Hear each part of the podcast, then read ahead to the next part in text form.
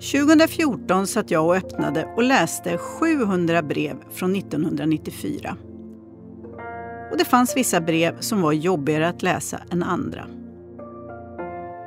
17-åriga Mias brev från 1994 var ett sånt. Så mycket smärta och sorg. Den vuxna Mias brev gör mig också så ledsen och arg. Mia har valt att inte läsa in sitt brev själv.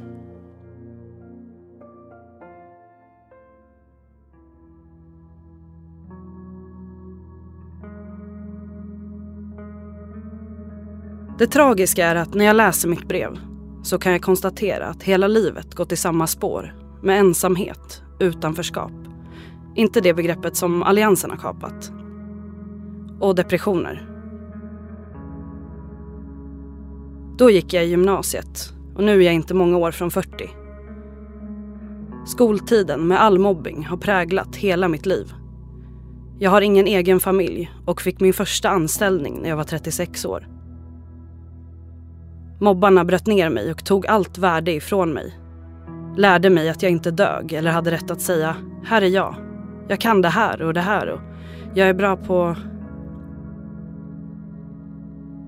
Vuxenlivet blev alltså inte på något vis som jag tänkte mig som barn att det skulle bli. Självkänslan och självförtroendet har varit så djupt förstört. Så kan det gå när skolan inte tar mobbing på allvar inte berättar något för föräldrarna, ignorerar allt.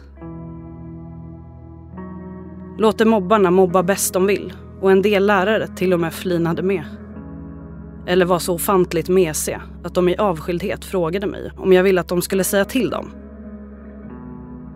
De kan ju vara lite taskiga. Ja tack. Sen fortsatte mobbingen som vanligt. Idag är jag vrålförbannad över detta. Förlåter aldrig. Men jag är ändå mycket stark. Annars skulle jag inte funnits idag.